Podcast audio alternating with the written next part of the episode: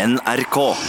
Lisa Aisato er fast illustratør i Dagbladet, bestselgende bildebokforfatter og billedkunstner. Bøkene hennes er oversatt til over 30 språk, og flere er blitt eller er på vei til å bli film og teater. Hun liker å uttrykke seg med tegninger bedre enn med ord, og hun kapret mannen sin ved å tegne en kjærlighetsbok til ham.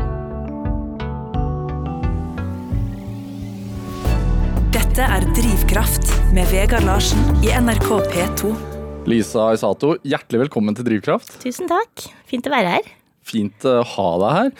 Eh, du begynner å bli liksom en sånn du, du, nesten, Når du kom til NRK nå, så du kunne nesten veien selv. Du har, det, det har vært mye i mediene det siste året. Ja, det har vært nesten litt for mye for meg. Ja. Jeg er vant til å sitte for meg sjøl med Grorud Palm og maleflekkete joggebukse, så det er litt uvant å skulle sminke seg og møte folk, liksom. Men det er jo koselig, da. Så jeg blir jo glad for å bli invitert. Ja, altså bare, bare sånn for å oppsummere. Altså, for å nevne et par ting, da. Eh, boka di 'Snøsøsteren', som, som du har laget sammen med Maja Lunde, den, den uh, solgte vanvittig godt i fjor, rundt juletider. Og det gjør den i år også. Jeg visste. det. Helt ekstremt. Det er jo blitt, det blitt en juleklassiker. Um, og så er du ute med din helt egen bok, 'Livet illustrert'. og den, Det er en bok som har fått strålende kritikker. og har vel, så vidt jeg forstår, passert 100 000 solgte eksemplarer og er blitt solgt til flere land. Um, og for liksom starte litt sånn sportsjournalistaktig, altså hvordan føles det? Altså kjenner du på Altså er det en, er det en Blir man lykkeligere når boksalget går oppover? Nei, For meg så er det ingen parallell med boksalg og rykke, Nei. egentlig. Nei. Og jeg må vel også, og nå høres jeg litt sånn kjip ut, men jeg må innrømme at jeg ikke tenker så veldig mye på hvor mye en bok selger. Jeg syns det morsomste er å lage boka. Eh, Både med 'Snøsøsteren' og 'Liv illustrert' og alle andre bøker jeg har laget, så er det prosessen jeg syns er interessant, da. Og så håper jeg selvfølgelig at den når noen der ute. Det er klart det. Det hadde vært veldig kjedelig hvis ingen ble berørt, eller ingen kjøpte den. Men, men om 20 000-kjøperen, eller 50 000, eller 100 000, det er egentlig ikke det viktigste for meg, altså. Kanskje viktig for forlaget, men ikke så viktig for meg. Ja, det er sånn Når den blir antatt og den blir bestemt at den skal gis ut, det er seieren i seg selv, liksom. Ja, men nå må jeg innrømme at jeg har vært på et sted en stund hvor jeg eh, kan bestemme en del sjøl hva jeg har lyst til å jobbe med og lage. Det er en stund siden jeg sto på terskelen til et forlag og spurte kan dere være så snill utgi boka mi. Det gjorde jeg jo ganske lenge. Ja. Eh, men nå er jeg så heldig at jeg på en måte kan velge det forlaget jeg vil jobbe med, og, og de prosjektene jeg selv vil jobbe med. da. Det er veldig deilig. Jeg er veldig, veldig privilegert. Veldig privilegert, rett og slett. Det føler jeg meg. Du, Mm. vi, vi, vi må prate mer om de bøkene, men, men øh, jeg tenker liksom Altså, du har jo en helt vanlig hverdagsjobb også. Ja, altså tenker du på Dagbladet, tenker du på mor, eller eh, Nei, den som lager middag? Mor og middagslaging, det er ikke en jobb. Det er, Nei, øh, det, det er livet. livet. Sjæl, ja. Men, men, men ja, jeg tenker på Dagbladet-jobben, fordi Mm. du er jo fast illustratør for Dagbladet-magasinet. Mm. Eh, er- det er én illustrasjon i uka. Ja, det har det vært i over ti år nå. Så, Mange sant? tegninger. Det er, det er mange tegninger. Det er jo over 500 tegninger. Ja, det er ganske voldsomt. Og det er, men det er en jobb jeg syns er veldig Altså Noen ganger så må jeg innrømme at eh, det er slitsomt å skulle ha den deadlinen hver uke, og jeg får en tekst jeg tenker 'herregud, hva skal jeg lage på det her', jeg aner ikke. Og andre ganger så får jeg tekster som er superinspirerende, og jeg vet med en gang hva jeg skal lage, og jeg gleder meg til å jobbe med det. Men så er det jo den stressfaktoren hver uke, da. Men det som er greia, er at det blir en veldig Altså det blir jo en stor kvantitet, da. Altså det blir veldig mange tegninger. Og når jeg da ser tilbake på kanskje 10% av det beste jeg har lagd for Dagbladet, så er det ganske bra. Men det er jo da over 50 tegninger. For det er så mye, ikke sant? Så det er ingen sammenligning for øvrig, men jeg var en eller annen som snakket om Astrid Lindgren her, at hun har, lagd, altså hun har skrevet så vanvittig mye. Og det dårligste er kanskje ikke sånn kjempebra, men det beste er helt fantastisk. Og når du har lagd så mye, så er det mye som er fantastisk, ikke sant? Ja. Så det er noe med å holde den, der, holde den rytmen oppe med Dagbladet har vært veldig viktig for meg, tror jeg. Hvor, Um. hvor viktig har Astrid Lindgren vært, siden du nevner henne? Astrid Lindgren har vært ganske viktig for meg. Altså. Hun var en veldig stor del av min eh, barndom. Eh, stor inspirasjon, egentlig. Eh, mest liksom universene hennes. Hva er det du tenker med universene hennes som er så Altså, Rønna Røverdatter, for eksempel, synes jeg er helt fantastisk. Brødrene Løvehjerte. Altså, det var veldig viktige bøker for meg da jeg var barn, da. Og jeg leser dem for mine barn nå, og gjerne vil Jeg vil både lese nye ting og gamle ting for mine barn. Leser du de mest for deg selv eller for barna? Ja, det kan du godt spørre om. Kanskje jeg leser dem like mye for meg sjøl som for barna, hvis det er et svar. Ja. Begge deler. Men du, eh, angående Dagbladet-jobben, hvordan funker det? Altså, du får en tekst tilsendt på e-post, Mm, og da sitter du ute i skjærhallen på Hvaler og ja. Må du vente på den teksten? Altså nå må den komme snart, Ja, liksom? noen ganger så maser jeg jo, eh, fordi den kommer for sent, eller sånne ting. Eller jeg har ikke fått noe tekst, og de tror den er sendt til meg, og det er litt sånn rot iblant, men det er jo sånt som kan skje. Men stort sett så får jeg teksten en uke omtrent før jeg må levere. Hvis alt går opp på skinner, så får jeg den en uke før. Og så sitter jeg meg ofte og jobber med den, leser den på fredag kanskje. Kanskje jeg får den på onsdag, leser den torsdag, fredag. Begynner ordentlig å jobbe med det på mandagen, legger det bort litt. Tar fram på tirsdag, jobber litt til, legger det bort litt. Onsdag gjør den ferdig og leverer. Ok, så i morgen skal du levere eh, en tegning, da? Ja, nå er det litt andre deadliner nå rett før jul, så Ja. nå har jeg levert to i uka. Oh, ja. Ja. Men, men eh, førstkommende lørdag, da, hva handler teksten om? Oi, nå må jeg tenke, fordi at nå har jeg levert så mange, så nå husker jeg ikke helt hvilket Jo, jo, det er den der med Bente Treen. Hun var ganske personlig tekst, faktisk. Hun er sexolog. Og skrevet en ganske fin tekst om Ja, det er ganske sånn eh, Ja, personlig.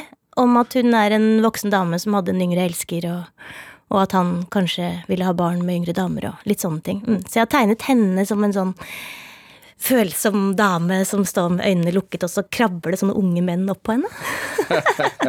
Men hvordan, hvordan eh, starter det tankevirksomhetet? Altså, du, du skal illustrere teksten, men, men, men jeg tenker jo at bildet skal også kunne stå for seg selv. Ja, helst skal det jo det, og helst skal man jo få en følelse av hva teksten handler om uten å lese teksten. Det er jo det aller beste hvis man klarer det. Og noen ganger syns jeg jeg får det til, og noen ganger får jeg det kanskje ikke så bra til. Men eh, jeg tror man får en god følelse her av hva det handler om når man ser det bildet, faktisk. Men poppa den ideen inn i hodet ditt? Den poppa inn ganske fort, egentlig. Jeg har vel kanskje Det er det som er problemet med Dagbladet Han har lagd så mange tegninger, at jeg har vel en tendens til å repetere meg selv av og til, lite grann. Eller liksom danse litt rundt de samme perspektivene eller tingene, da.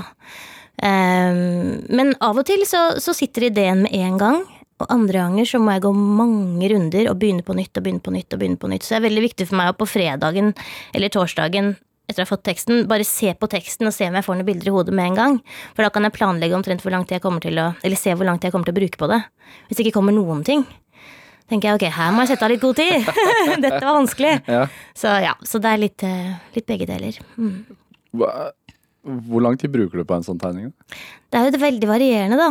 Når det sitter med en gang en god idé, så kan jeg bruke tre timer, kanskje. Og andre ganger kan jeg bruke flere dager. Ja. Fordi det, jeg må begynne på nytt og begynne på nytt, og det funker ikke, og jeg ser at det ble ræva likevel, liksom. Og så har jeg liksom to veier å gå, da. Enten så må jeg gå for den gode ideen, som kanskje er en, en smart idé for å visualisere teksten, men at det ikke blir et spesielt vakkert bilde eller interessant visuelt. Men ideen er såpass god at det trumfer eh, ja, hvor vakkert det skal være, da, eller hvor interessant det skal være visuelt. Og andre ganger så tenker jeg at jeg har ikke noe god idé, men jeg kan prøve å gjøre det på en vakker eller interessant måte. Så sånn som jeg lagde gang en illustrerte en tekst av Bjørk Matheasdatter som handlet om berøring, hvor viktig det er å bli berørt. Både for babyer og for folk som er over 80 år, at berøring er viktig for et menneske. Altså bli, og faktisk bli tatt på? Å bli tatt på, ja. Rett og slett fysisk nærhet, liksom. Og jeg husker jeg lagde så mange variasjoner, og jeg syns ikke jeg fikk det til. Jeg syns det bare ble klisj- klisjéfylt og teit og Hva var tegnet i starten av det det? husker jeg ikke. Masse skisser.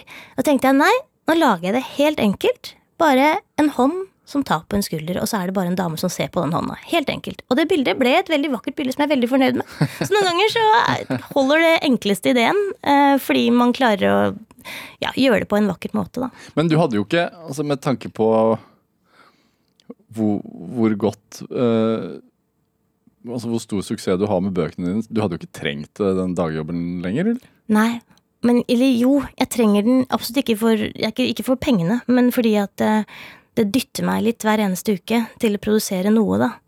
Og jeg, jeg trenger det dyttet. Eh, Det hadde vært deilig å slippe det òg, på en måte. Jeg hadde hatt større, større eller mer tid til andre ting. Ja. Men eh, det er litt kult å få den utfordringen hver eneste uke.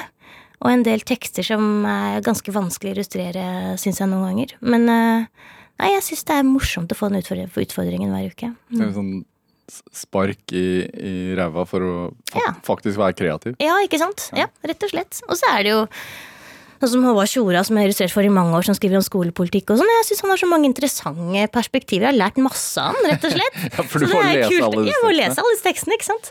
Så, så jeg har jo mye jeg må, Hvis jeg skal si det sjøl, mye fans som er lærere. Eh, og så tror de kanskje at det er mine meninger, men det er ikke jeg. Det er Håvard som skriver genialt, ikke jeg. Og så bare visualiserer jeg hans tekster. Så jeg får alltid sånne meldinger i innboksen. Du som er så opptatt av skolepolitikk og ja, ja, jeg er jo på en måte det, men det er jo bare jobben min å illustrere hans tekster, da. Jo, men hvis det er en er, Hender det at hvis det er en tekst som altså virkelig treffer deg, Mm. som du merker at dette her er viktig, veldig mye av det som skrives er antageligvis viktig, da, men, men hender det at du liksom legger ekstra flid i det? Altså sånn det, Dette her, nå må jeg virkelig liksom Ikke fordi jeg mener det selv nødvendigvis. Jeg blir veldig analytisk. altså jeg blir veldig sånn, Min jobb er å visualisere det teksten sier. Jeg tenker ikke så mye på hva jeg egentlig mener sjæl. Jeg, jo- jeg har illustrert noen tekster som jeg ikke er helt enig i òg, opp igjennom. Jeg skal ikke nevne navn, men det var en som skrev en tekst om at man hele tiden skulle strekke seg til høyere mål. Ikke enig i det, egentlig. Nei. Jeg syns man godt kan være tilfreds litt der man er. Og, men da tenker jeg ikke Jeg gidder ikke å lage noe fint. Altså, jeg lager jo bare Jeg må jo bare prøve å stille protest ja, i tegningen. Nei, jeg må jo bare prøve å, å visualisere det han skriver, da. Det er det som er jobben min. Da, du føler ikke at du liksom lyver for deg selv da? Nei, fordi det at jeg gjør jobben min. så hva jeg mener er egentlig ikke så innmari, innmari viktig, Nei. tenker jeg. Hvordan ble den tegningen? da? Nei, det var det ble, det ble ikke så bra, kanskje, men Nei, det var en som satt oppå noe, det var noe stiger og noe greier og noe målskive øverst og ja, litt sånn. Litt klisjéfylt. Det er lenge, mange år siden. Mm. Ligger i skuffen den? Ja, den ligger i skuffen. Dypt nedi den. Dette er Drivkraft med Vegard Larsen i NRK P2. Og i dag så er eh, bildebokforfatter Lisa Isato her hos meg.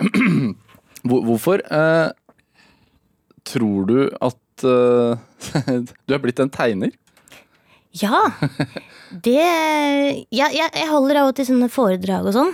Og da pleier jeg å si at hvis jeg skal fortelle hvorfor jeg ble forfatter og illustratør, så må jeg begynne med mammas barndom, pleier jeg å si. Så viser jeg et sånt bilde av mamma og bestefar, da. Fra 50-tallet en gang.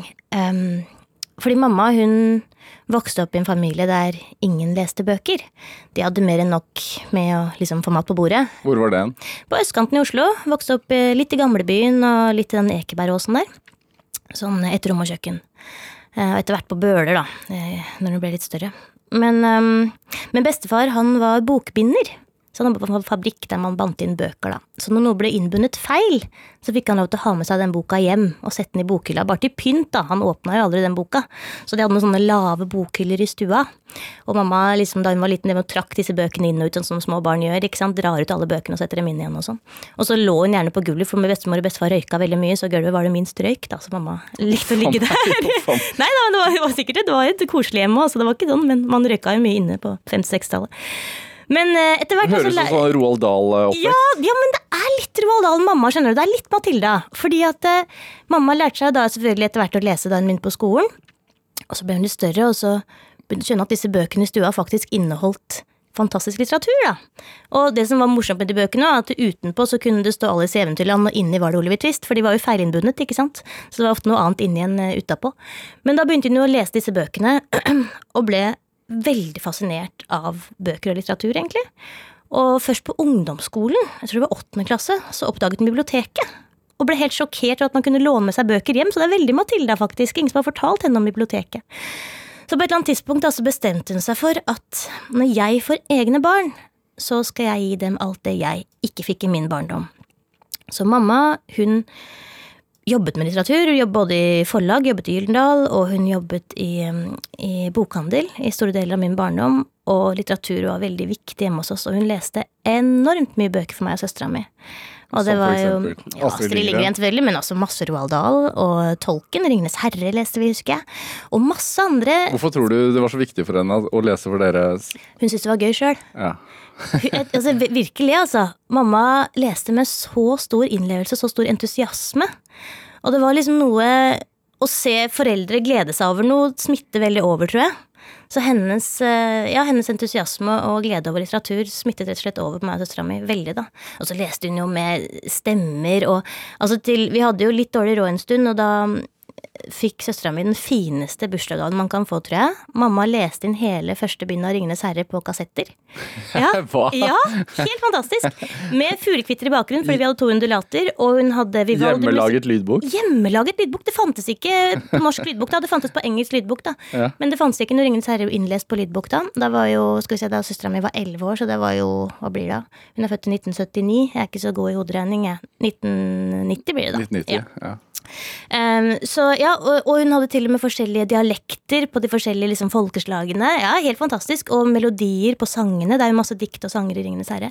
Altså, Vi hørte de kassettene helt i stykker. Altså, Vi elsket dem. Er vi for en gave. Ja, det er virkelig en gave. Virkelig. Hvor lang tid tar ikke det? Det var vel 19 kassetter. Så det er helt vanvittig. Ja. Ja. Så, så den Og hadde det- tre, barn? eh, Nei, det er to, to- to barn, barn. ja. Eh, og, og da er det jo helt sånn Hvordan i all verden har man tid til det? Nei, altså mamma gjorde det vel på kveldstid, og jeg vet ikke når hun eh, klarte å få til dette her. Ja. Men eh, veldig imponerende, rett og slett. Og, men det sier jo litt om mammas entusiasme, da. Mm. Hun hadde nok ikke gjort det hvis hun hata det. Altså, Det er jo fordi hun syntes det var litt gøy sjøl òg, tror jeg.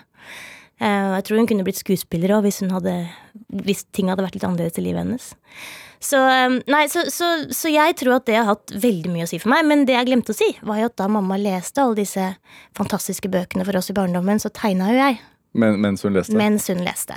Eh, og hvis ikke mamma hadde tid til å lese for oss, så hørte vi på lydbøker. Og vi hadde jo også, siden mamma jobbet i forlag og bokhandel, så hadde vi også Vi hadde ikke så mye barnelydbøker. Vi hadde noe Geos magisk medisin som var lest av Harald Herre Steen jr. og sånn, som vi siterer fremdeles og elsker. Men også sånn eh, Ernest Hemingway husker jeg vi hadde på flere kassetter, som vi hørte på da vi var små. Eh, Snøen på Kilimanjaro. husker jeg. Ja. Og, um, og så hadde vi erotiske folkeeventyr hadde vi på kassett, som vi hørte på da vi var små. Av en eller annen merkelig grunn, om abbedisser og prester som drev og hadde seg og syntes det var kjempegøy. Og ja, altså masse voksenlitteratur som vi også hørte på, da. Og så tok vi opp masse hørespill som vi hørte om igjen og om igjen. Eh, både for voksne og barn. Så å lytte og tegne var en veldig stor del av min barndom, og det er jo det jeg gjør nå. Sånn eh, mellom seks og tolv timer om dagen. Lytter og tegner. Men, men det skapte bilder i hodet ditt, da. Ja, absolutt, men det var ikke alltid jeg tegnet det mamma leste. Ikke nødvendigvis, altså. Eh, Jeg kunne også bare begynne et sted og lage krusedullfigurer, som jeg gjør fremdeles sammen med barna mine. Lukker øya, lager en krusedull, og så åpner øynene og prøver å finne ut hva det kan ligne på, eksempel. Eller lage et ansikt av en kaffeflekk og sånne ting. Syns jeg alltid har vært veldig morsomt, da. Hvorfor, hvorfor tror du det er sånn, altså? Fordi jeg kan jo Her eh, i NRK så er det veldig mye møter. Ja. Og jeg tar meg selv i hele tiden å, å sitte og tegne mens det er møte. Er ikke det rart? Selv om jeg følger med på møtet, Ja. eh, så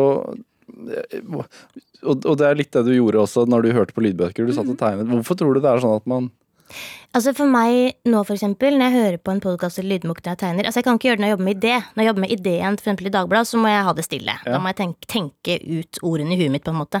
Men når jeg først har funnet ut hva jeg skal lage, så kan jeg høre på de mest intrikate ting og følge helt med. Jeg kommer i flyt. Det er akkurat som hånden og hodet ikke jobber De jobber med hver sin ting. Ja. Og det er akkurat som jeg, jeg, jeg, jeg mister selvbevisstheten på en måte. Det er et veldig deilig sted å være. Eh, så jeg er veldig heldig. Det er nesten som en slags meditasjon, hvis man skal prøve å ta det litt sånn store ord, da. Eh, egentlig, når jeg er i den flytprosessen. Og da blir jeg kjempesur når jeg blir avbrutt. Dritsur.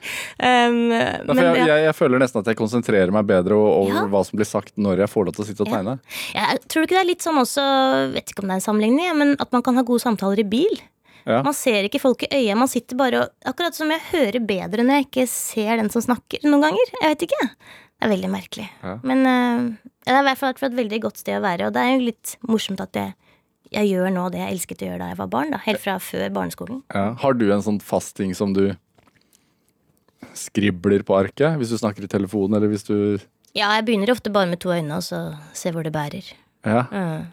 Gjerne litt sånn tunge, tunge øyelokk. Sånn som du har, egentlig. Sånn, sånn. Syns det er litt fint. ja. Jo, jo, takk for Ja, ja, det. Um, men, men altså, i, i forhold til det, altså sånn at du sier at du har jo gjort en uh, karriere og, og gjort som voksen det du begynte med allerede som barn. Altså, jeg tenker jo at alle barn tegner jo. Um, og de fleste ungdommer tegner også noe. Ja, de fleste slutter når de er sånn 12-13 år. Ja. Da kommer eh, no, puberteten og tar dem, tror jeg. Jeg vet ikke hva ja som men skjer. hvorfor, hvorfor slutter man å tegne når man blir eldre? Hvorfor er det så få voksne som tegner? Jeg tror kanskje at det, det handler om at man på et eller annet tidspunkt tenker at jeg må tegne så riktig. Det må være pent, det må være korrekt. Sånne type ting. Jeg vet ikke. Og så er man på en måte ikke anførselstegn flink nok til å tegne det pent og riktig, og så gir man opp kanskje på et tidspunkt. Jeg veit ikke. Jeg synes bare det er morsomt å se noen ganger når man ber en voksen tegne, så tegner man en eller annen sånn figur man lagde på ungdomsskolen. For det var det man, siste man tegna, liksom. Det er liksom Man sitter på samme, man er på samme nivå, da. Men eh, nei, jeg er nærmest ikke helt sikker på hvorfor man slutter å tegne. Altså, tegne altså. Men jeg, jeg syns det er en veldig Jeg kunne ønske flere tegna, for det er veldig Det er tilfredsstillende. Ja. Og, det er, og det er som du sier, det er noe eh, meditasjon inni bildet Ja. Mm. med det. Eh, tror, tror du man, i forhold til det, da, at man føler at man kanskje ikke er flink nok, og at det er derfor man gir det opp? Mm. Er, er man født med tegnetalent? Nei, jeg tror jeg ikke. Nei? Jeg tror ikke, jeg tror ikke noen er født med noen talenter, jeg, sånn sett. Jeg tror man bare eh, Hvis man gjør noe mye nok Noen Hvis har man har- bedre anlegg for noe. Ja, men jeg, ja, ja helt sikkert, altså. Eh, men jeg tenker at, at hvis man har en så stor interesse for noe, så gjør man det så mye at man på en måte bare blir flink til det, tenker jeg da. Men man må ha den enorme nysgjerrigheten, da, eller den enorme liksom um, Nesten være sånn manisk opptatt av det, hvis man skal bli ordentlig flink til det. Kanskje sånn som ingen sammenligning for øvrig, Magnus Carlsen eksempel, liksom, at han ble helt sånn manisk opptatt av sjakk som barn, da. Jeg tenker at, Og det tror det er noe, jeg vet ikke om det er noe synapser i hjernen eller hva det er for noe, ja, som, som lages når man er barn, som, som, som trenes opp, da. Kanskje? Jeg veit ikke, jeg kan ikke nok om det, altså, men at det er et eller annet hvis du, hvis du får en veldig sterk interesse som barn, eh, så, så er det lettere å være flink som voksen. Tror jeg. Ja. Men jeg, jeg kan ikke nok om det til å vite om det er helt sikkert. Fikk Men du- sånn var det for meg. Fikk du ros eh, på barneskolen eksempel? Altså Lise er så flink til å tegne. Ja, veldig mye det. Ja. Det var veldig koselig. Og veldig sånn, kan du tegne dette her, kan du tegne meg, kan du tegne klassen. Tegne klassen var litt kjipt, da. For jeg gjorde det på ungdomsskolen, og da drev jeg og lagde karikaturer, og det er litt kjipt for de som hadde mye kviser og store neser på ungdomsskolen. meg, og du var ærlig? Ja, og det har jeg litt dårlig samvittighet for enda, faktisk. Jeg tror kanskje noen av dem så de karak ja, de var, det var litt ille. Men, eh, men ja, jeg fikk, jeg fikk mye ros. Det var fint, det, altså. Og mye ros hjemmefra også. Så veldig mye sånn Jeg fikk veldig sånn Jeg fikk ikke noe sånn eh, Husker du liksom en tegning du var kjempefornøyd med som barn? Jeg husker, jeg husker, for jeg likte veldig godt å tegne som barn. Jeg husker jeg tegnet en bjørn en gang som jeg var veldig fornøyd med. Ja, ja, ja. Ja, jeg, jeg likte å tegne historier, da. Jeg tegna litt sånn Kanskje ikke Tegneserier, men litt sånn sånne Jeg husker jeg hadde sett under, nei, Oversvømmelsen, som mamma viste meg, som jeg lagde som åtte-niåring, som var liksom mange ark som var limt sammen. Det var liksom oversvømmelse, og så var alle jordene, og det var oversvømmelse, på en måte. På det lange arket. Husker jeg var veldig fornøyd med. Jeg likte litt som å lage historier, da, uten tekst, liksom. Noe som jeg gjør nå. Gjør i dag også. Ja, egentlig gjør i dag. Ja. En visuell forteller, da, som jeg vel er, og, og var da også. Men, øhm, men så hadde jeg også en sånn periode hvor jeg lagde sånne veldig sånne sukkersøte ting og tegna babyer og ja. Man hadde de sine faser, liksom. Ja. Og så lærte jeg meg perspektiv, og så hadde jeg en periode jeg bare tegna hus. Så, ja. Men det har stort sett vært mennesker og dyr og sånn som jeg synes er mest interessant. Ansikter, da. Var det sånn at du Altså fordi du må ha tegnet masse. Mm. Uh, og, og det var vel også drømmen din å, å, å tegne? Ja, det var det. Jeg var innom litt forskjellig som jeg syntes så kult ut. da. Jeg syntes det så veldig gøy ut å jobbe med sånn sminke på teater. Og, men det var jo alltid noe med hendene. ikke sant? Noe med, og, og så sånn, eh, Nå er det jo så mye sånn CGI som det heter på film, altså man gjør mye på data, men før i tida så var det jo mye at man lagde et, trå, eller et monster eh, fysisk Flåklypa i film. Grand Prix, ja, liksom. ja, ja, sånne ting også. Animasjon også. Men sånn eh, Nei, men altså lage liksom et monster som skulle være på film. Altså Ja. tegne folk som et Male folk i trynet med en sånn stor nese og liksom hoggtenner og Hun syntes det så kjempegøy ut. Jeg gjorde det på dukkene mine, da. Lagde som monstre og sånn. Um, og så husker jeg altså, sveipa innom og syntes gullsmed så litt gøy ut. Og det var liksom litt sånn forskjellige ting, men jeg skrev i en stil som 13-åring at jeg ville bli illustratør. Jeg hadde lært meg det ordet, så, så jeg var jo liksom Jeg hadde vel en retning. Eh, men jeg visste ikke helt åssen jeg skulle nå det, da. Nei, altså fordi Men, du, du, du, du begynte jo etter hvert på kunstskole. Mm. Og jeg tenker sånn Tenker du at sånne utdannelser kan knuse drømmer?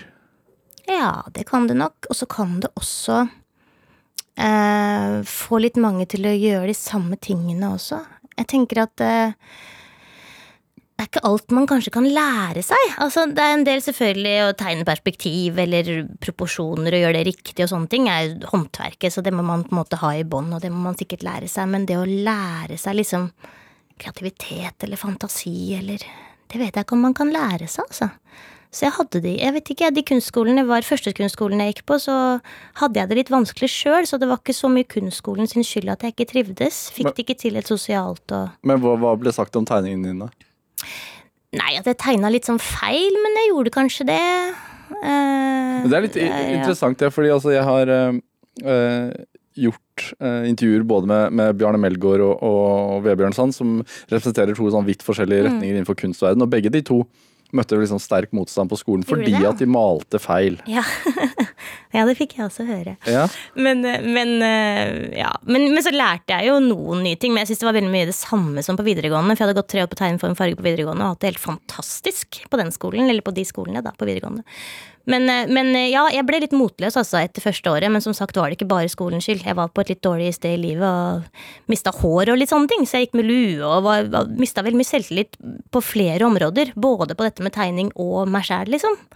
Og det var litt mye på en gang, så jobbet jeg et år i barnehage bare for å finne fotfeste igjen, på en måte. Og det var et veldig fint år. Det var kjempefint å jobbe i barnehage. Syns det var en del slitsomme foreldre. Men, det var, men masse gøyale unger og veldig fine kolleger. Og, og så var det så gøy å lese for barna. Og se viktigheten av barnebøker, egentlig. Ja. Jeg hadde jo ikke barn sjøl da, så det var gøy å lese barnebøker igjen. Da var det mange år siden jeg hadde lest barnebøker for noen. Hadde ingen fettere og kusiner og liksom og tegna noen sånne store Alf Prøysen-greier på veggene, og vi hadde kunstutstilling, og jeg fikk liksom tilbake piffen litt, da.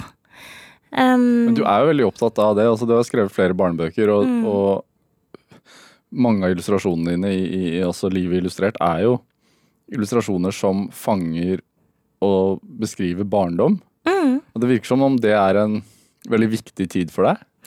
ja, altså jeg hadde en helt uh, fantastisk barndom, jeg.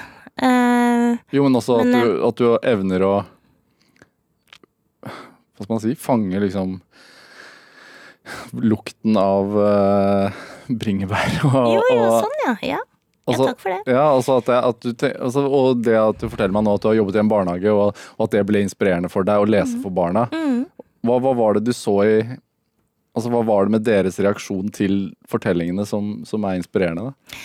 Jeg husker liksom når vi, når du spiste og jeg leste særlig en sånn Albert Aaberg-historie, eh, når han sitter barnevakt. Og jeg liksom lagde en morsom stemme på babyen, og han skulle lese noe skummelt eventyr, og hvordan de lo så de nesten liksom sprutta ut maten. Og så var det liksom litt skummelt, og så den, de der, de, Du kan sette i gang så mye følelser, da. Um, det syns jeg var fascinerende. Jeg tenkte det kanskje jeg kan få til òg. Så ja. Nei, jeg vil bare det, tror jeg. Men, men jeg må innrømme at når jeg lager barnebøker, så Nå høres jeg kanskje litt kjip ut igjen, men så tenker jeg ikke så mye på barnet. Jeg tenker på hva syns jeg er interessant å fortelle, og hvordan kan jeg fortelle det på en interessant måte. Jeg lager eh, Barnebøkene mine er liksom lagd litt til meg sjøl òg, på en måte. Ja, men Har du en del Altså, er det mye barn i deg, på et vis? Det er kanskje det, men det er kanskje lettere for andre å se enn meg. Men jeg er jo en litt sånn, eh, til min manns irritasjon, litt sånn ta litt lett på ting. Har nok en sånn Jeg har kanskje ikke vok... Det er mye med meg som ikke er helt voksent enda, kanskje, på en måte. Litt sånn eh, Hvordan da? eh, At jeg ikke liksom lukker skapdørene ordentlig, ikke klarer å følge oppskrifter og ikke har tatt lappen og Jeg er litt sånn eh, surrer meg gjennom livet. Mamma trodde jo ikke at jeg kunne bli illustratør fordi jeg er litt for lat. Hun trodde ikke at jeg hadde det i meg fordi at eh, jeg er litt sånn eh, slaskete, liksom. Jeg vet ikke hva jeg skal si. Men så så hun jo at, jeg, at der, det er noe som jeg virkelig Der har jeg, om jeg ikke har struktur, så har jeg den enorme nysgjerrigheten som gjør at jeg bare jobber og jobber og jobber. og jobber. Men å lukke skapdører etter meg klarer jeg fremdeles ikke, da. Nei, men nå, nå tenker jeg også på sånn Den der følelsen du eh, skaper i tegningene dine av eh, f.eks. barndom. Det er jo Du må jo være veldig i kontakt med dine egne følelser, tenker jeg. Jeg veit ikke. Men hender det, at, det. hender det at du kan tegne eh, eller illustrere noe, eller eh, kanskje aller helst tegne noe helt på egen hånd, og blir litt sånn rørt av det du skaper? Nei, egentlig ikke. Nei. Nei, nei, ikke egentlig, altså. Noen ganger kanskje hvis jeg har fått det helt på avstand og ser på det på nytt igjen. Sånn som i Livet illustrert, så har jeg en av de siste sidene i boka, så, så, så står det at du kommer til å miste. Og det var en illustrasjon jeg lagde til Roald Stoa Stoltenbergs tekst om å om, eller om datteren sin Ninni, da. At hun på en måte sakte gled ut mellom fingrene hans over veldig lang tid, på en måte. Eh, og den illustrasjonen er jeg ganske sånn fornøyd med. Um, men da jeg lagde den, så var jeg veldig analytisk og tenkte åssen kan jeg visualisere dette her på en god måte, og er veldig sånn skisser og holder på veldig sånn uten å være noe følsom på noe vis, egentlig. Selv om teksten var veldig sterk. Men nå som jeg har fått det ganske mye på avstand, nå er det noen år siden jeg lagde den, når jeg leser boka høyt, så må jeg innrømme at jeg kan bli faktisk litt rørt av å lese akkurat det der. Eh, litt rørt av meg sjæl.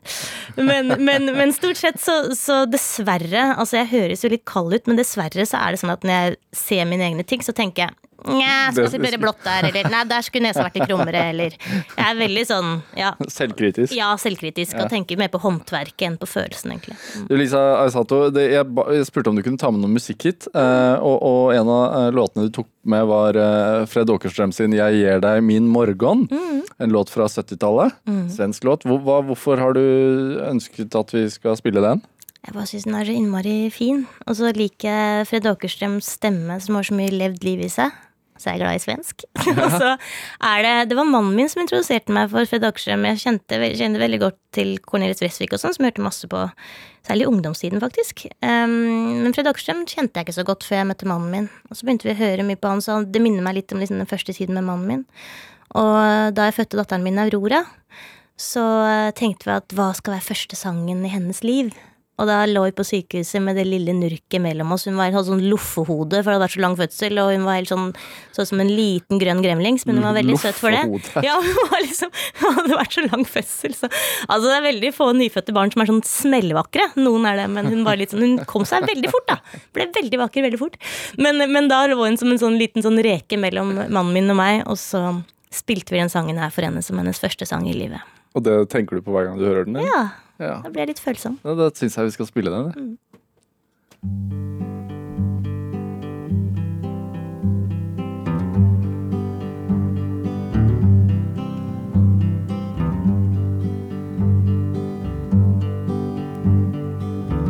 Återigen gryr dagen vid din bleka skuldra Genom frostigt glas syns solen som en huldra. Ditt hår det flyter över hela kudden. Om du var vaken skulle jag ge dig allt det där jag aldrig ger dig jag ger dig min morgon jag ger dig min dag.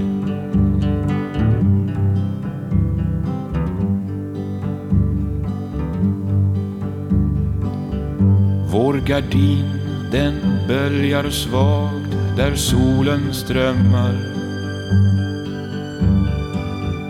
Långt bakom ditt öga svinner nattens drömmar.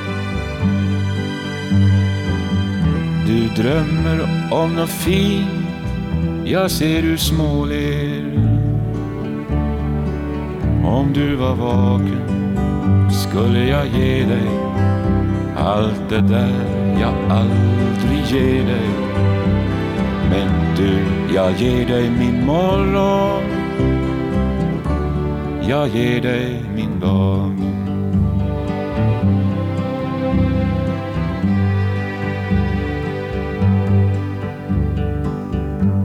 Utanför vårt fönster hör vi markens sånger. Som ett rastlöst barn om våren dagen kommer. Lyssna till den sång som jorden sjunger.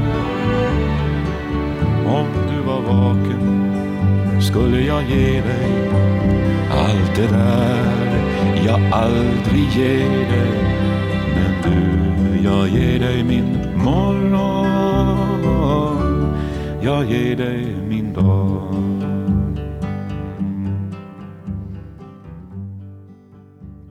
Ja, Du hørte Fred Åkerstrøms 'Jeg gir deg min morgen', valgt ut av Lisa Isato, som er dagens gjest her i Drivkraft på NRK P2. Altså, I, i 20, altså 2008 så, så kom du med to bøker. Mm. Uh, to veldig personlige bøker. Yeah. Og, og da må jeg jo begynne, altså, for det er en ganske spesiell historie. Uh, min elskede, altså til min elskede. Mm. En, en bok du tegna for å Eller ja, lagde fordi at du var forelska. ja. Ja, Helt sånn enormt òg. Hva, hva, hva, hva, du legger lista ganske høyt for andre liksom, som er avstandsforelsket i noen, eller som er forelsket i noen, da, hvis man skal tegne en hel bok. Jeg beklager det. Men den var ikke så lang, da. Det var bare noen sider. Ja. Nei, det var bare at jeg, jeg var på et litt sånn trøblete sted i livet, og så plutselig kom hele sola inn i livet mitt, og det var da Einar, eh, som etter hvert ble min mann.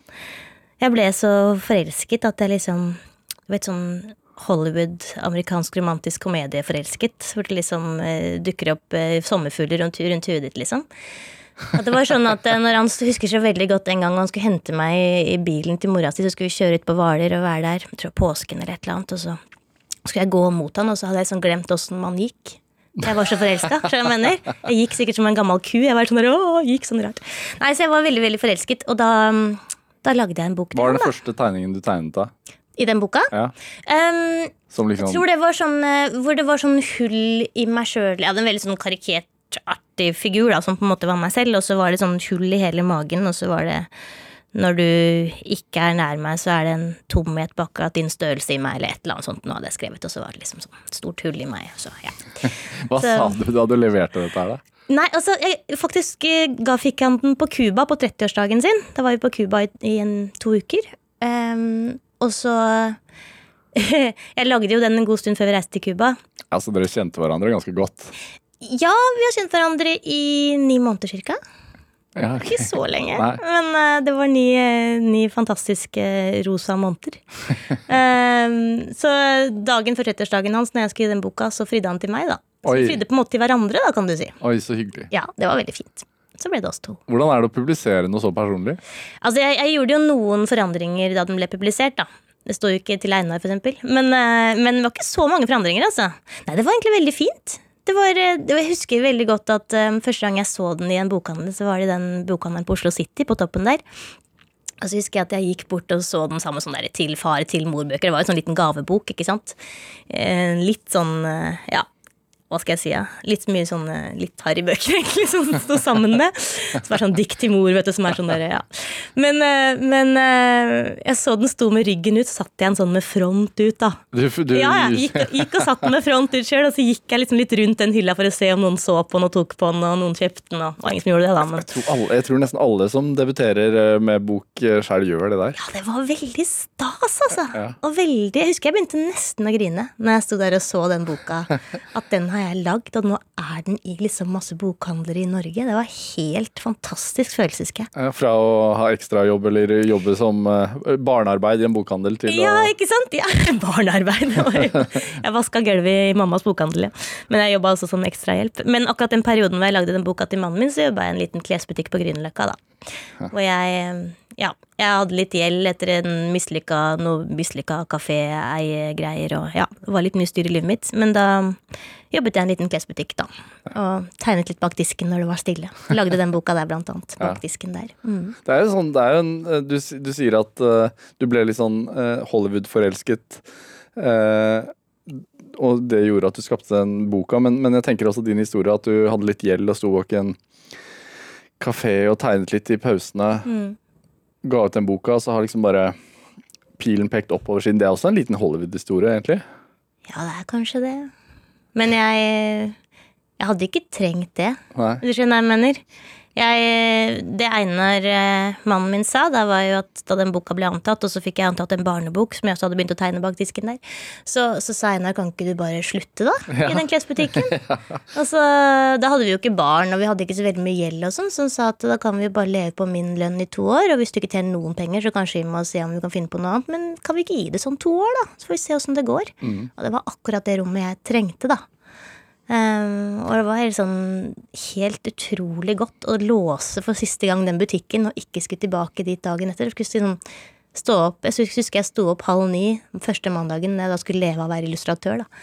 Og så hadde vi jo et ekstrarom der jeg skulle jobbe. Så gikk jeg og lagde meg kaffe og satt jeg med ned og tenkte ok, nå skal jeg tegne. Og det var helt sånn Helt vanvittig. Og siden har jeg liksom ikke sett meg tilbake. Hvor viktig er det, tror du, at Unnskyld. At eh, man har noen som virkelig liksom tror på en når man har en sånn type drøm? Jeg tror det er veldig viktig, altså. Fordi at uh, all min uh, usikkerhet og sånn, den, uh, den, den sto veldig i veien, da. og selvfølgelig penga òg. Altså, det er ikke så lett å leve av det i starten. Veldig vanskelig, faktisk. Og alle sier sånn, kan ikke du bare lage forsida her, du bare, men da får du fin publisitet, så du trenger ikke å få noe penger for det. Ja, for det er veldig, veldig, ma veldig sånn. mange gratistjenester. Ja, jeg gjorde det en del i starten, jeg òg. Og det undergraver jo alle andre initiatører, så det skal man ikke gjøre. Uh, men jeg gjorde det litt i starten, jeg òg. Um, og tok liksom alle jobbene da mulig. Husker jeg malte noen vegger på noe kafé med noe forferdelig, noe sirkusgreier. Det ble ikke noe særlig bra. Og ja, lagde masse forskjellig som, uh, som jeg gjorde ganske billig, da. Uh, men det er liksom, jeg ville bare bli sett, og jeg ville at andre skulle oppdage det jeg lagde. Um, men så var det jo en nøkkel å skrive sjøl, da. Og det prøver jeg å si til Jeg får jo veldig mange meldinger i innboksen fra folk som vil leve av å være illustratør og sånn, så jeg kan du, tror du kan klare å skrive noe selv. For det å få tekst og bilde til å passe sammen på den måten, og hvis du har noe å fortelle, så prøv å fortelle sjøl, så slipper du å være så avhengig av andre. Og så kan du kanskje illustrere for andre etter hvert, men noe må bare For å komme i gang, da det var veldig fint, fint, for meg, i hvert fall. Og da er det fint å kanskje ta fra eget liv, da, sånn som du også gjorde med den barneboka du nevnte. altså Mine to oldemødre, mm -hmm. som kom samme uh, år. Og mm. det, det, var en bok som Eller det er jo en bok som skildrer det å ja, vokse opp med en fot i Norge og en fot i Gambia. Mm. Um, hvordan tror du at det har prega deg? Ja, det, det, spørsmålet får jeg ganske ofte, og det, sånn, det har jeg litt sånn dårlig svar på, da. Fordi at um, eh, jeg vokste opp i en familie der Eh, det var jo ah, Jeg liker ikke ordet fargerik, men, eh, men, fargerik på den måten at det var eh, gambisk musikk. Det var noe gambisk mat. Pappa var muslim og ba fem ganger om dagen. Og så var det masse litteratur, og så var det masse av mammas 70-tallsmusikk. Og liksom den første rappen fra New York hadde vi på plate, husker jeg. Det var liksom veldig sånn eklektisk, veldig mye forskjellig, da. Og i tillegg så dansa søstera mi på operaen, så vi var masse i operaen, og så masse ballett. Eh, og var masse på teater. Det var liksom så mye forskjellige eh, dører man kunne gå inn i, skjønner du hva jeg mener? Um, og så var det dette med tegningen som var så viktig for meg. Mamma og pappa så det og ga meg helt fantastisk eh, oljemaling og akvarellpapir fra jeg var veldig liten. og liksom la alt til rette, da. Men hva eksakt de forskjellige faktorene har hatt å si for der jeg er i dag, annet enn det med å lese bøker, det veit jeg ikke helt. Pusher du dine egne barn? Altså ikke pusher, men, men ser du jo allerede nå at, at de har interesser som du velger å la de ja, dattera mi er jo veldig Virke. glad i, i, to ting. Tegne og Harry Potter. Så vi, vi, kjører på. Jeg er også veldig glad i tegne og Harry Potter, så ja. da er det mye av det vi, det vi, gjør, da.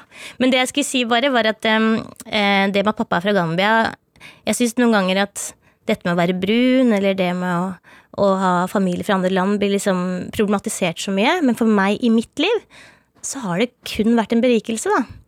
Uh, og, og, det at jeg kanskje har et litt annet blikk enn folk som har to norske foreldre, det, kan, det, har jeg helt sikkert, men jeg har jo aldri hatt noe annet blikk. Så jeg, det er litt vanskelig for meg å si hva som er annerledes med mitt blikk enn enn andres, da. Ja, Men du har jo skrevet en bok om det? Ja da, det har jeg, det har jeg absolutt. Det er, jo, det er jo min opplevelse og min, min barndom. Men ja. det er bare én bok, da. jeg trengte å få den ut av systemet. Ja. Ja. Men den handler jo også om, om om døden og det å oppleve at oldre foreldre dør og sånne ting, da. Ja. Ikke bare om det å ha familie i Gambia. Mm, begge deler. Mm. Dette er Drivkraft med Vegard Larsen i NRK P2. Og I dag så har vi bildebokforfatter Lisa Isato her hos meg. Eh, altså eh, Livet illustrert, som, som, er ute nå. Eh, du er jeg, jeg syns jo du er veldig sånn inderlig i, i illustrasjonene mm, dine. Mm. Uh, du, du, er på ingen måte redd for å skildre følelser. Nei. Uh, og, og, jeg tenker sånn, du er jo du er født i 81, er det? Ja. ja. Så det er liksom midt i sånn ironigenerasjonen. Ja. uh, og, og, det å skulle være inderlig er litt sånn det er ikke så veldig hipt, egentlig. Nei. Nei, jeg vet det. Har du følt på det? Ja, jeg har følt masse på det. Jeg har det, altså. Og, og, veldig lenge tenkte jeg jo at åh, jeg må gjøre alt feil, fordi at uh, det er ikke så mange som gjør ting sånn som meg. Og folk gjør ting på en mye kulere måte. Mye mer sånn kik måte, liksom. At jeg er litt sånn uh, Er jeg litt sånn harry? Men, Men så, og så prøvde jeg en stund for en del år siden å tenke ok, nå skal jeg eksperimentere litt med å tegne litt mer sånn flatt, sånn som mange illustratører gjør. Jeg syns mange lager veldig mye kule ting, bare veldig annerledes enn meg, men masse kule ting. Prøvde jeg litt, da. Og, bare, og jeg så at jo mer jeg jobbet med det, jo mer inderlig ble det. liksom. Jeg klarte, ikke jeg klarte ikke å være kjølig og kul. Så jeg har egentlig bare funnet ut at ok, det er min greie, da. Og jeg har fått litt kritikk for det også. Hva slags Eh, kritikk? eh, Nei, liksom da jeg lagde eh, en bok med søstera mi som heter Snart sover du, så var det jo litt sånn Ja, det er litt Det søte er for søtt og liksom Men, men, eh, men ja, når jeg, skal, når jeg skal visualisere noe som er søtt og vakkert, så kjører jeg på med søtt og vakkert, jeg. Og når jeg skal lage noe som er mørkt, så lager jeg det mørkt. Altså, jeg, jeg er ikke noe redd for å for å spille på de følsomme strengene i folk, da. Ja. Jeg dytter gjerne på de knappene. Jeg syns at det er interessant, da. Hva var det du sa før, før vi gikk i studio her? At eh, ditt andre fornavn, altså Aisato, egentlig betyr noe sånn Hva var det? Kjærlighetssukker. kjærlighetssukker. Kjærlighets- og sukker, ja. ja. det, var, det visste jo ikke jeg. Men altså, jeg heter jo egentlig Lisa Aisato Nyai Solberg. Jeg har jo egentlig fire navn. Men, men eh, som liksom kunstnernavn så bruker jeg bare Lisa Aisato. Da. Og så har jeg fornorsket skrivemåten til Aisato, for i Gambia så skriver man Isatou. Men det er så innmari komplisert på norsk, så jeg har skrevet det om til Aisato. Så det er ikke så mange som skriver navnet mitt sånn som meg, da. Så hvis du googler Aisato, sånn som jeg skriver det, så er det en del japanske sider, og så er det meg. Ja, Og og, en, gutt i Jap eller en japansk gutt kom bort til meg på en sånn utstillingsåpning og sa at ja, du har tatt deg et veldig søtt navn. Så har jeg det? Ok, liksom. Og han forklarte da at, eh, at ai kan bety kjærlighet, og sato kan bety sukker på japansk. Altså kjærlighetssukker. Det var liksom ikke måte på hvor søtt det skulle være. Men det, det, er ikke, det er ikke noe bevisst fra mamma og pappas side, eller min side også. eh, men, men tilbake altså, til, til Livet illustrert. Det er, det er jo en bok om livet.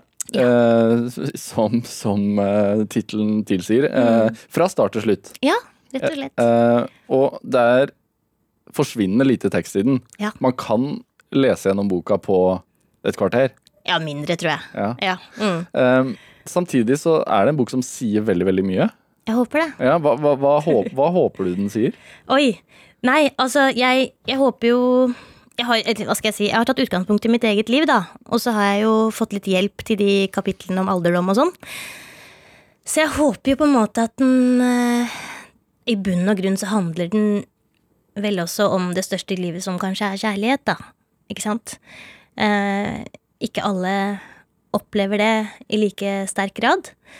Men men jeg tenker vel at jeg er jo ikke religiøs eller noen ting, så jeg tenker at det viktigste i livet er vel eh, Ja, sånn som tittelen på en annen bok jeg illustrert heter, 'Å elske og bli elsket', rett og slett, da.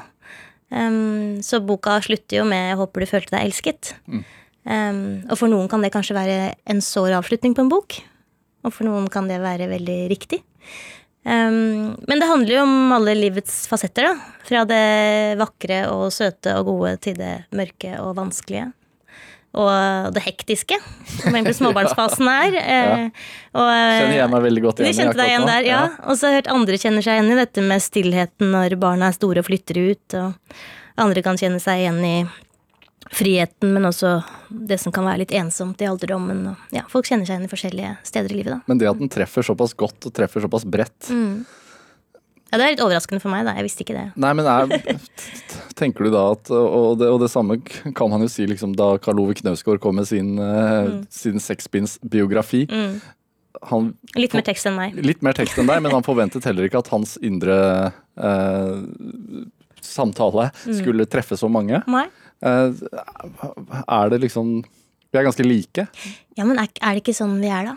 Er det ikke det som er litt kult? Nå skal han ut til Kina, liksom. boka. Ja, de kjente seg igjen der òg. Ja. Det er jo veldig rart. Men folk er folk, ass. Uansett. Det er hektisk å få barn. Kjærligheten er det viktigste. Det er jo, det er jo sånn over hele verden. Det er bare at uh, litt sånn kulturting og sånn kommer litt sånn Man tenker at folk er annerledes fordi kulturen er annerledes, men vi mennesker er jo mennesker uansett. Mm.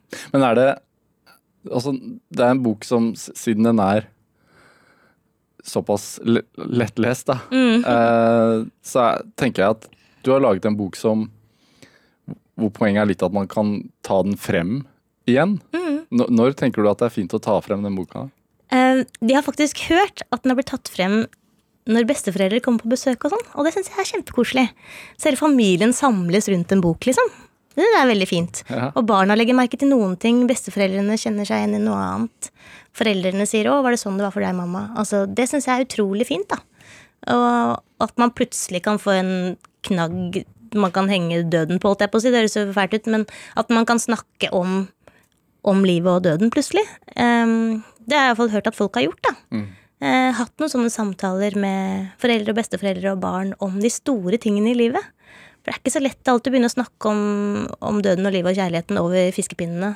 Men eh, når man har en bok som man kan peke på og snakke rundt bilder og en enkel tekst, så kanskje det kan være litt lettere. Mm. Er det, tror du det er også mm, mye av grunnen til at eh, en bok som, som du skrev sammen med Maja Lunde og Snøsøsteren har truffet så godt?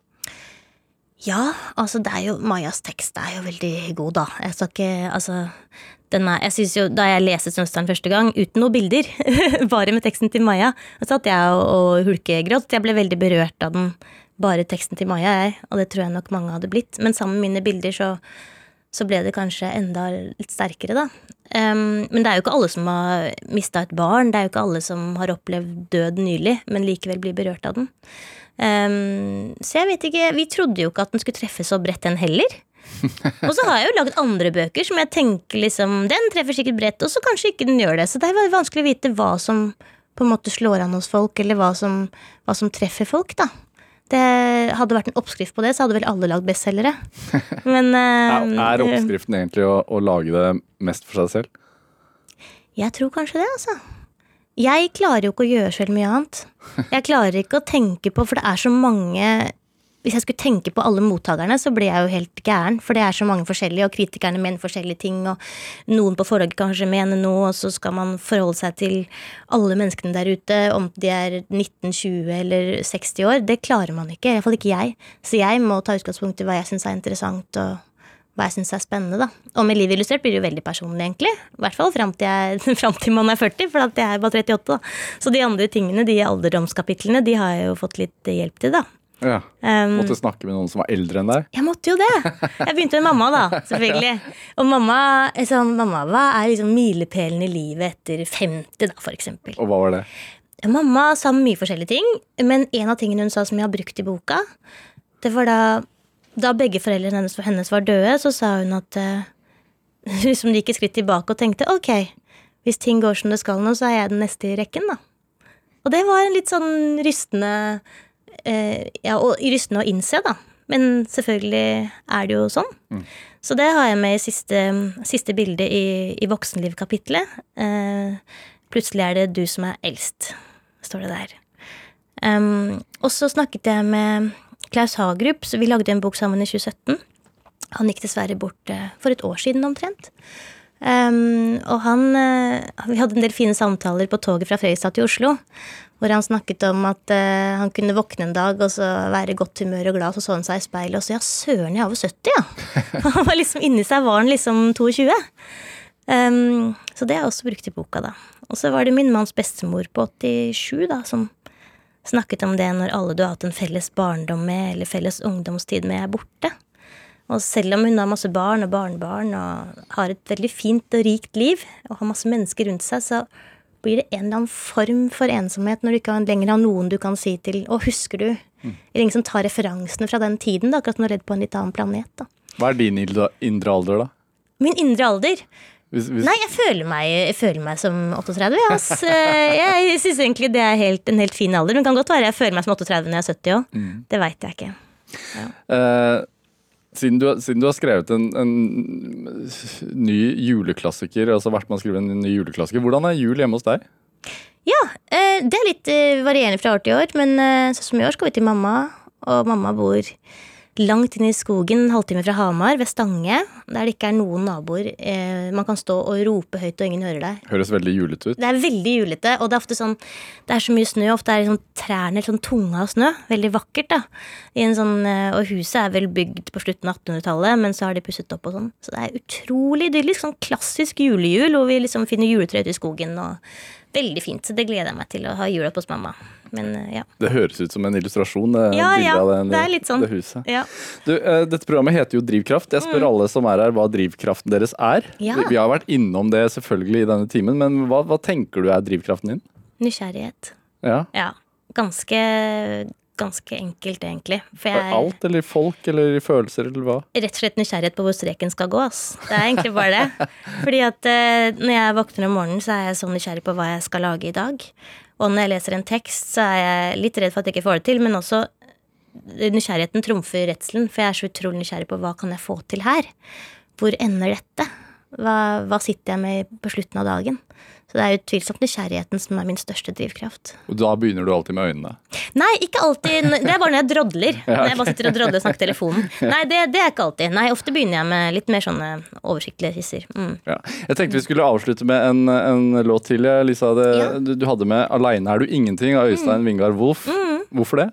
Vet du hva, Øystein er en fyr jeg kjenner som jeg eh, syns er eh, Han burde fått mer oppmerksomhet for eh, de fantastiske tekstene sine. Han har lagd masse diktsamlinger og noen barnebøker og litt forskjellig, og gitt ut fire-fem CD-er, tror jeg.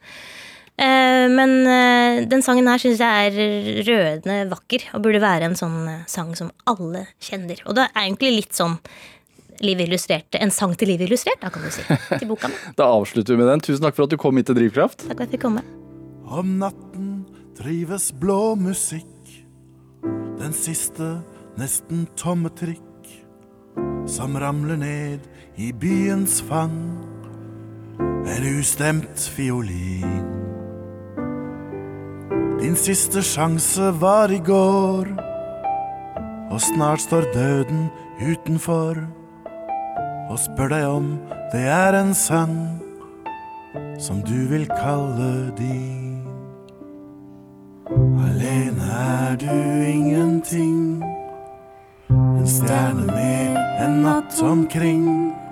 En flamme, ingen varme sved på din flyktningvei. Alene dør du litt hver gang du hører kjærlighetens klang mot veggen i ditt gjemmested. Hvem leter etter deg?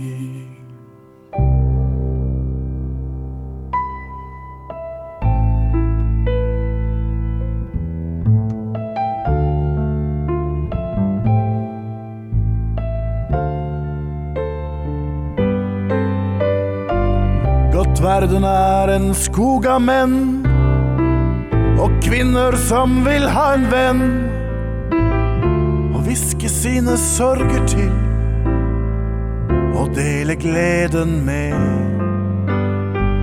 Når solen brenner i din port, da kan du ikke snu deg bort. For uten deg er ingen ild, du er et menneske.